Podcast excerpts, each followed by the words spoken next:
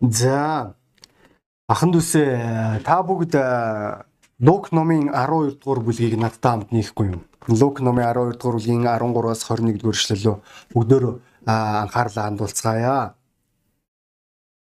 Урсан голны дотроос нэгэн хүн түүнд багшаа надтай гэр бүлийнхэн өвийг хуваалт гэж ахантам энэ хилээж гэхэд харин тэр хүнгүй хин чин намайг та нарын шүүгч өв хуваагчаар томилогчдаг билээ гэв. Тэгээд тэр тэдэнд алив шумлаас өөрсдийгөө хамгаал болгоомжил хэн нэгний ам өмч хөрөнгөийнх нь хангалуунаас хамаардгүй гэв. Тэр тэдэнд сургаалт зүрлэлээр ингэж ярьлаа. Нэгэн баян хүний газар нь маш үржил шимтэй байж тэр хүн ургацаан хадгалах байр савгүй тул одоо би яадаг билээ гэж эргцүүлээд миний хийх зүйл гэвэл амбааруудаа буулгаад илүү том амбаарууд барий тэндээ би хамаг үр тариа хамаг эд хөрөнгөө хадгална. Тэгээд би өөртөө амин ам бие минь чамд олон жилийн турш хэрэглэх хөрөнгө байна. Өөрийгөө амра идо зугаац гэж хэлэндэ гэсэндэ харин бурхан түүнд мунхка яг энэ шүн амчин чамаас нэхэгдэх болно.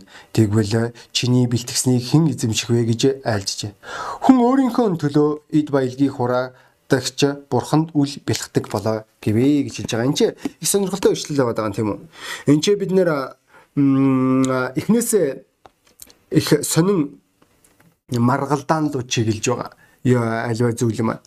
Тэгээд энэ номлыг би нэг түүхээс эхлэмээр байна. Энэ түүх маань болохоор ямар түүх вэ гэвэл Америкийн алдартай банкны ажилтан бизнесмен одоогоор хэлэх юм бол нэлээд үн цэнтэй хүмүүсийн тоонд орох нэгэн тэрээр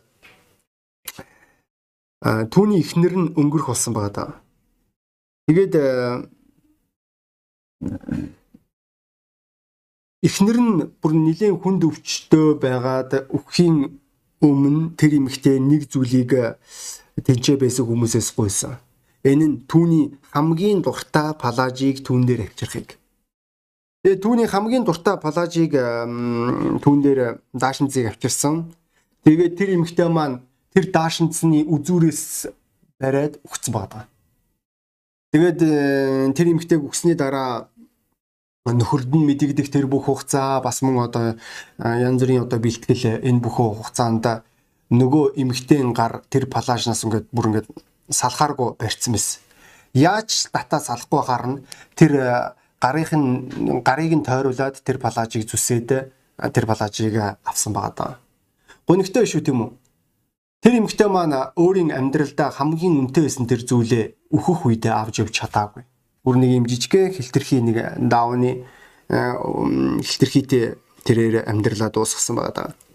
Яг л үүнтэй ижилхэн бид нэр тэр болгон амьдралдаа хамгийн чухал зүйлийг бид нэр өөрсдийн амьдралдаа бодоод байдгүй.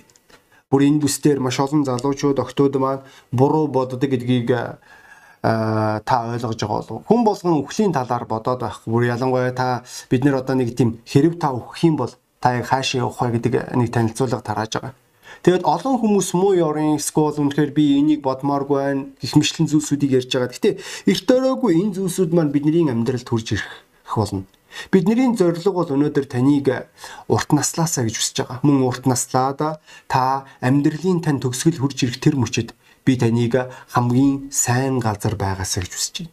Энэ газрыг бурхан танд хүсэж байгаа. Үүний төлөө Есүс Христ загалмаа дээр цовдлогдсон гэдгийг би өөрчлөлт хэлмээр байна.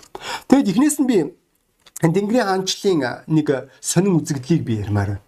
Энд чи харж байна уу бидний нэшлийн эхний хэсэг дээр нэг залуу одоо цуглаан болж байгаа хүмүүс байгаад байгаа гэсэн чинь нэг залуу тэрээр Есүс дээр хурж ирээд тэрээр хэлж байгаа. Багшаа та миний ахыг эд хөрөнгөө надтай хуваа гэдгийг хэлээд өгөөч. Харж байна уу? Цуглаан болж байгаа, номлол явагдчих болно. Тэгсэн чи тэр хүн мөнгөний талаар бодож байгаа. Тэрээр өөрийн эд баялагын талаар бодож байгаа. Тэд түүнд тухайн үеийн номлол ерөөсөө нэг тийм дөлөлийн чухал биш. Номлол дээр магадгүй санхүүгийн талаар номлосон байж болно. Энэ нь ч гэсэн түүний хувьд нэг тийм төлөлийн чухал биш. Түүний хувьд надад яг юу ямар ашигтай надад яг юу өгөгдхийн одоо надад ямар байдлаар энэ одоо зүйлсүүд хэрэгтэй байх уу гэдэг тэр өнцгөр харж байгаа. Энэ нууц биш заримдаа үнэхээр сүмүүдэд тийм итгэгчнэр байдаг. Тэр хүмүүс маань мөнгөний эрх ашигын араас хөөцөлдөж байгаа, санхүүгийн одоо эд баялагын эрх араас хөөцөлдөж байгаа. Тэгээд тэр бүх зүйлээ авсны дараа тэд нэр Христэд итгэх итгэлийн амьдралд итгэхгүй сонирхолтой болдог. Тэд нэр үн цэнэгүй болдог. Тэд нэр өмнө нь ерөөсө сайн мэдээ, бусад бусад библи уншлага, залбирал энэ бүх зүйл рүү анхаарлаа хандуулдаг байсан бол тэд нэр одоо тэгэх шаардлага байхгүй. Тэдний хүссэн зүйлс нь өөчлөн. Тэд нэр орон гэртэй болсон, тэд нэр унах унаатай болсон, тэд нэр их нэртэй болсон, тэд нэр үр хөвгттэй болсон. Тэгээд одоо нэг тийм дээ затгалам тий. Одоо надад юу ч хэрэггүй. Тэгэд энэ зүйлсүүдийн араас хөөцөлдөж байгаа мөнгөний араас хөөцөлд байж байгаа тэр хүмүүсийг бид нэр энэ хаанчлалд заримдаа хардаг. Энэ хүмүүсийн нэг яг харахгүй Библиэлд Гехази байсан. Бүгдээрээ хамтдаа хаадын дид номын 5 5 дугаар бүлгийг харцгаая. Хаадын дид ном 5 дугаар бүлгийн 5 дугаар бүлгийн 20 дугаар эшлэл дээр Бурхны хүн Илишегийн зарц Гихаз үзэгтэн энэ араам хүн намааны авчирсан эд зүйлийг гараас нь аваагүйгээрээ миний эзэн түүнийг өршөн хэлтрүүлв. Лээ. Иймд эзэн амьд би түүний араас гүйн очоод түүнээс ямар нэг юм авсгаа гэвэ гэж хэлж байгаа. Харж байна энэ чи өөрийнх нь багш нь өөрийнх нь пастор нь намаанд бурхны алдрыг харуулахын төлөө а одоо тэрээр хэлж байгаа би намаа чин надад санал болгосон тэр зүйлсүүдийг би авахгүй гэж хэлэх үедээ Гехази өөр бодолтой байсан байна.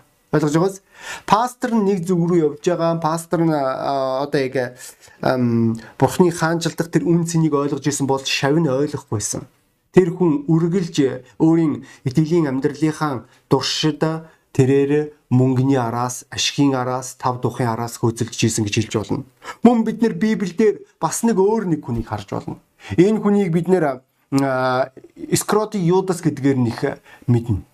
Тэр хүн маань хэрвээ түүний жинхэнэ нүүр төрхийг хэрвээ бүгдөөрөө харах юм бол Иохан номын 12 дугаар бүлгийн Иохан ном 12 дугаар бүлгийн 4-өөс Иохан ном та над дамд нэхгүй юу? Иохан ном 12 дугаар бүлгийн 4-өөс 6 дугаар эшлэгийг харъя. 12-ын 4-өөс 6 Харин шавнырийнх нь нэг түүнийг барьж өгөх Скродийн юдас яагаад энэ тосыг 300 динараар зарж ядуус төгсөнгөө гэвэ. Тэрээр ядуусын талаар санаа тавьсандаа бусаа харин хулгайч байсан болохоор тэгж хэлжээ. Тэр мөнгөний хүүдийг барьж дотор нь э, хийснийг авчдаг байжээ гэж хэлж байгаа. Харж уу энэ чи Скродийн юдас тэрээр уган бол ингэж ярьж байгаа зүйлсүүд нь их хүнлэг тийм үү. Ийм хүмүүс үргэлж хүнлэг зүйлсүүдийг ярьдаг. Үргэлж хүмүүнлэгийн зүйлийг энэ хүмүүс ярьдаг. Гэхдээ бодит байдал дээр тэд нэр өөрсдийнхөө жинхэнэ сэдлийг далд нуудаг. Яг яагаад ямар учраас юуны улмаас гэдгээ тэд нэр далд нууж байгаа. Бидний нийшлэлээр хэлэхдээ энэ хүн хулгайч байсан гэж хэлж байгаа. Сүмийн хинэнч түүнийг хулгайч гэж бодоогүй. Ойлгож байна уу? Тэрээр Есүсийн хажууд байгаа боловч Есүсээс уруухад бэлэн байсан байгаа. Үүнийг бид нэр Матай номын 26 дугаар бүлгээс харж болно. Матай номын 26 та надтай хамт нээхгүй юу? Матай номын 26 дугаар бүлэг. Бид нэр хамтдаа Библи зэрэг нэг явж явах үнэхээр маш сайн тийм үү? Яг яагаад вэ? Яагаад гэвэл би өөр ишлэл уншиж болно шүү дээ найзнараа. За 14-өөс 16 дугаар ишлэгийг харъя. Тэр үед 12-ын нэг Скродийн юудас ахлах тахилч нар дээр очиж Түүнийг та нарт барьж өгвөл та нараа надад юу өгөх вэ гэхэд тэд түүнд 30 мөнгөн зоос э, дэнслэв. Тэр мөчөөс эхлэн Есүсийг барьж өгөх аятай завшааныг тэрээр эрэлхийлж эхэлвэ гэж хэлж байгаа. Харж гэнэ үү? Өнөөдөр аханд үсэ. Юу өнөөдөр итгэгч нарыг хуваадгийг Юу өнөөдөр итгэлийн амьдрал дээр амьдарч байгаа тэр хүнийг өөр сэтэлтэй болгодгийг бид нэр энэ түгээдээс энэ скродын юудсын түгээс харж болно.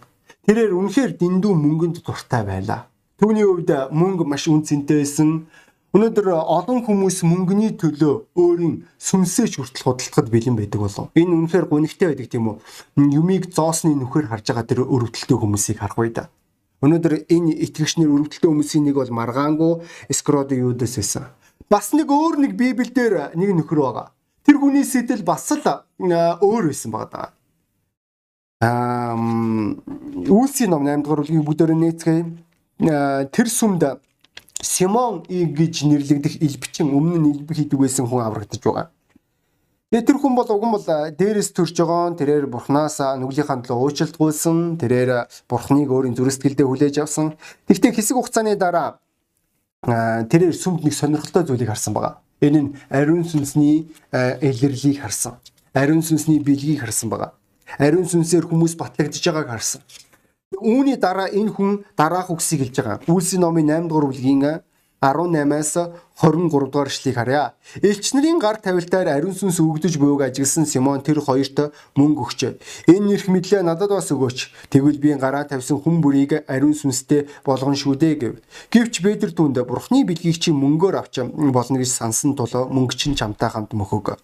Бурхны өмнө зүрх чин зөв биш учраас энэ үйлсэд чиний хэрэг оролцооч байхгүй. Энэ ёр мууга ган гимшиж эзэнт залбир зүрхний чинь хар санаа уушлагдаж болох юм аа гэж хэлж байгаа. Харж гэнэ үү? Симон тэрээр сүмд явж байгаа. Хамгийн гайхалтай сүмүүдийн нэгд явж байгаа гэж хэлж болно. Гэхдээ тэрээр өөрийн гэсэн хувийн төлөвлөгөөтэй байсан байгаа. Түүнд өөрийн гэсэн зориг байсан. Түүнд нэр алдрын араас хөөцөлдөх, мөнгөний араас хөөцөлдөх хүсэл хийж байгаа. Яг л энэ зураглыг бид нэр энэ бидний энэ үндсэн ишлээс харж болно. Тэр залуу маань яа харахгүй гэртээ багна гэдэг нь тодорхой.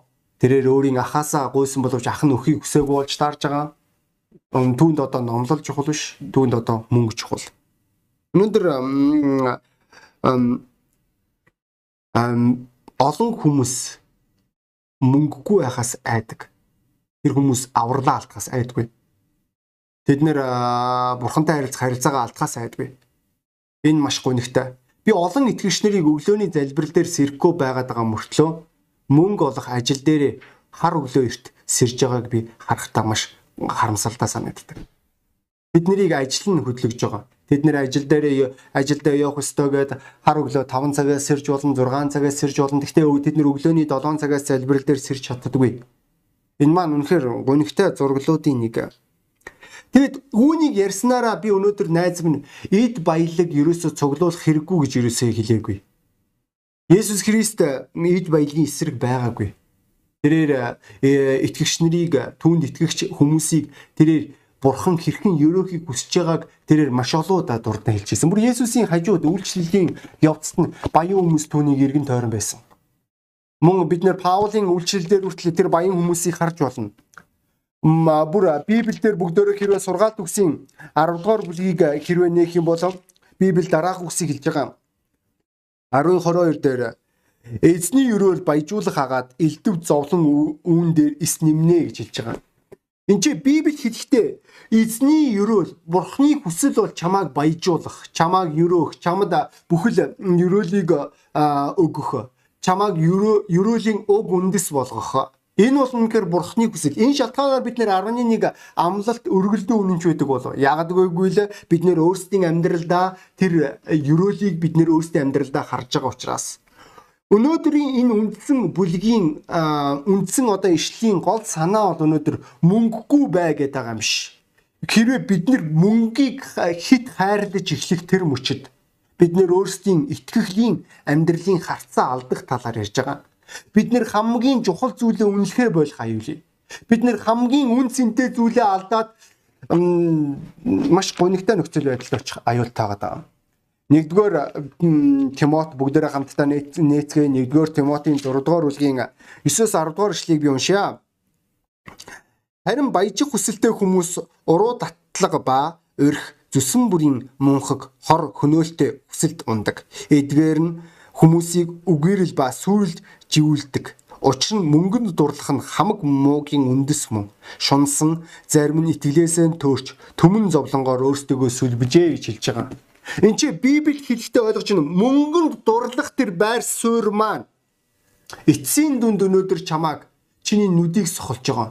Чиний итгэлийн зарчмыг үгүй хийж байгаа. Чиний итгэлийн харц чинь гажиж эхэлж байгаа Чи тэгээд бүх зүйлийг тодоор харахаар харахаа болж байгаа. Чи зөвөр харахаа болж байгаа. Чиний итгэлийн амьдралын зарчмууд чинь үгүй болж эхэлж байгаа. Яг яагаад вэ? Яагаад гэвэл энэ та мөнгөнд дурлах тэр мөчөд таурын эзэн бурхны хайрлага болдог. Ингэх гэж өнөөдөр бурхан таныг өрөөдөг юм биш. Харж байна бидний нишил дээр энэ баян өрөөгдөж байгаа. Энэ баян маргаангүй өрөөгдсөн тодорхой.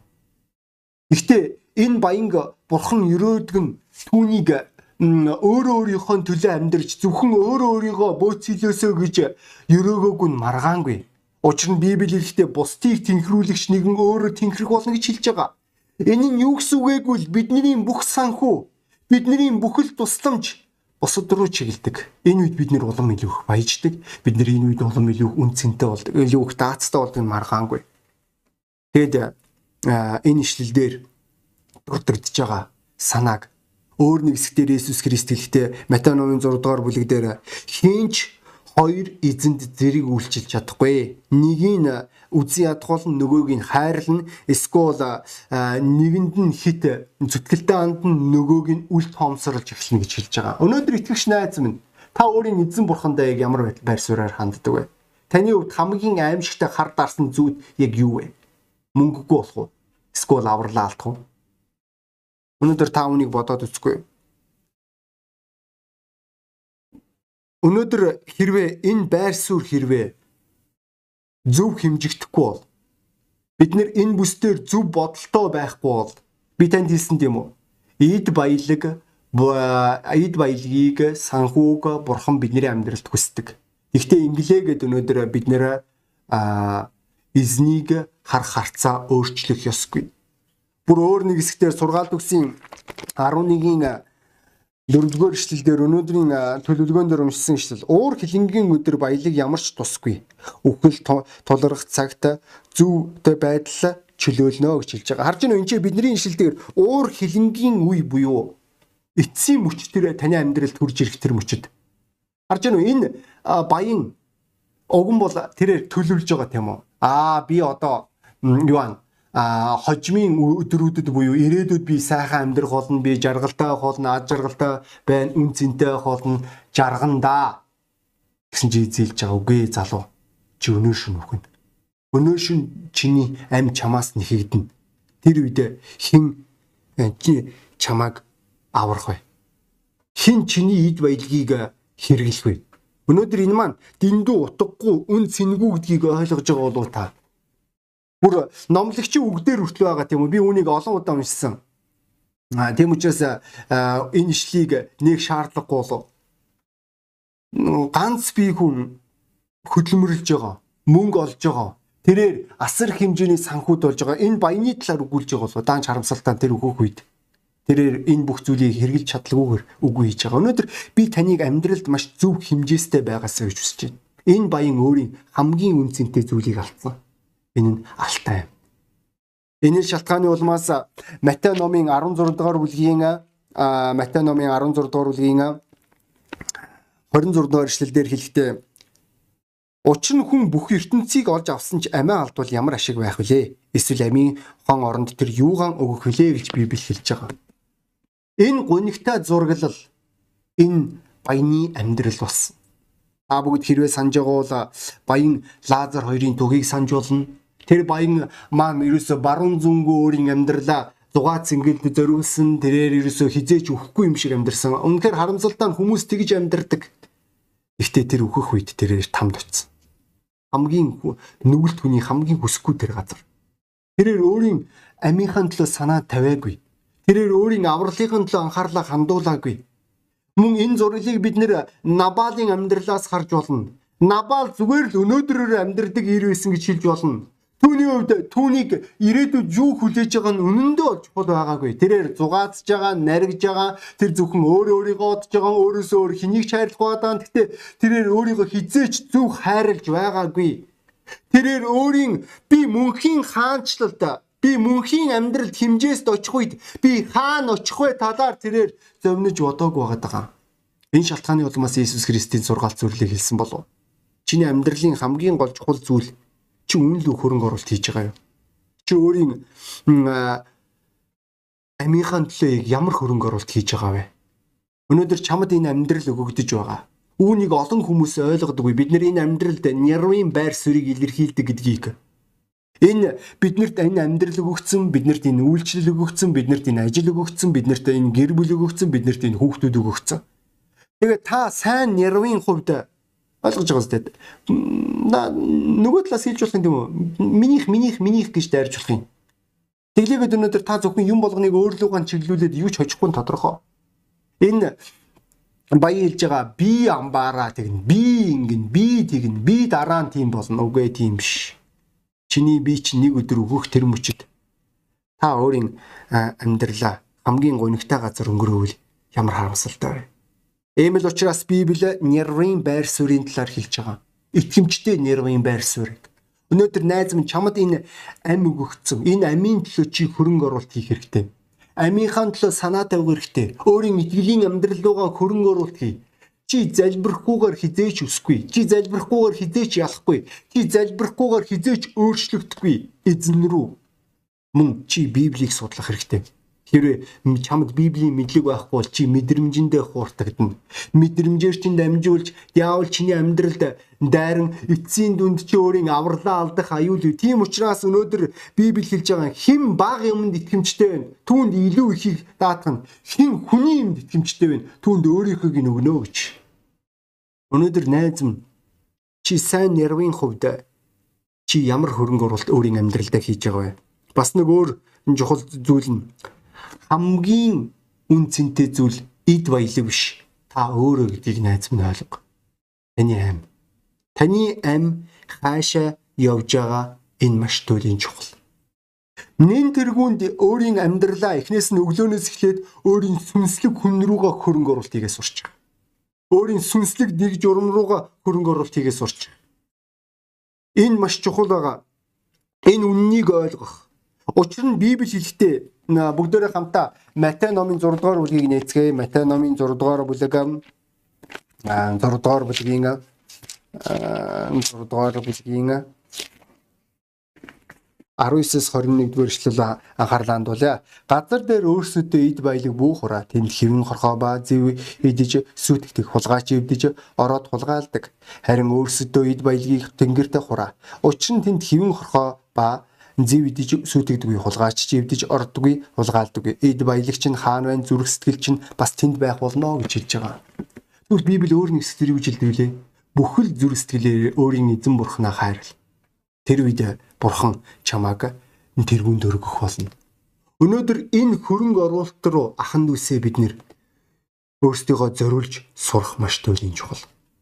Хэрвээ тэгэхгүй бол өнөөдөр бид нэр яг л энэ баян шиг амьдралаа дуусгах аюулгүй. Энэ шалтгааны улмаас энэ сургамжтай зөвөрлийг Иесус Христ биднэрт үлдээсэн. Та өөрийн амьдралдаа зөв хэмжээстэй байхын тулд та санхүүд зөв хандахын тулд та эд баялагт зөв хандахын тулд та үргэлж тийм ээ үнэхээр итгэлийн амьдралд жил өнгөрөх тусам бурхан таныг өрөөхн маргаангүй. Гэхдээ энэ өрөөлийг битгий өөрийн амьдралдаа хараал болгоо. Энэ өрөөлөөс болж өөрийн авралаа хадгалах, авралаа алдах хэрэггүй. Өөрийн сүмөөсөө хөндөрөх хэрэггүй.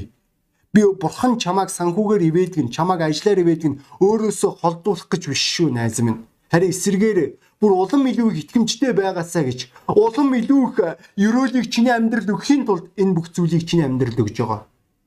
Тэгээд зорилгоо хазаалгах хэрэггүй. Өөрийн зүрх сэтгэлээ хамгаал энэ зүрх сэтгэлээс чинь амийн болог урсах ёстой найз нараа.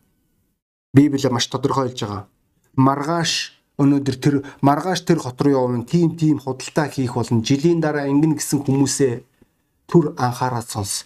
Амчин уур шиг өнөөдөр ч алгуулж утах юм. Тийм л учраас хэрвээ эзэн хүсэх юм бол би тэр газруудаар байж би тийм зүйлсүүдийг хийж хийх болно гэж хэлж сурах маш туйлын ахын төсөө чухал юм аа. Тэгээд хүн болгон толгоо далгаад нүдэ анилсаа гэж хүсэж байна би дуудлага хиймээр байна. Магадгүй та энэ номлыг анхудаа сонсч иж болох юм. Тэгвэл би өнөөдөр танд хамгийн чухал зүйлийг тань хэлмээр энэ маань таны юм.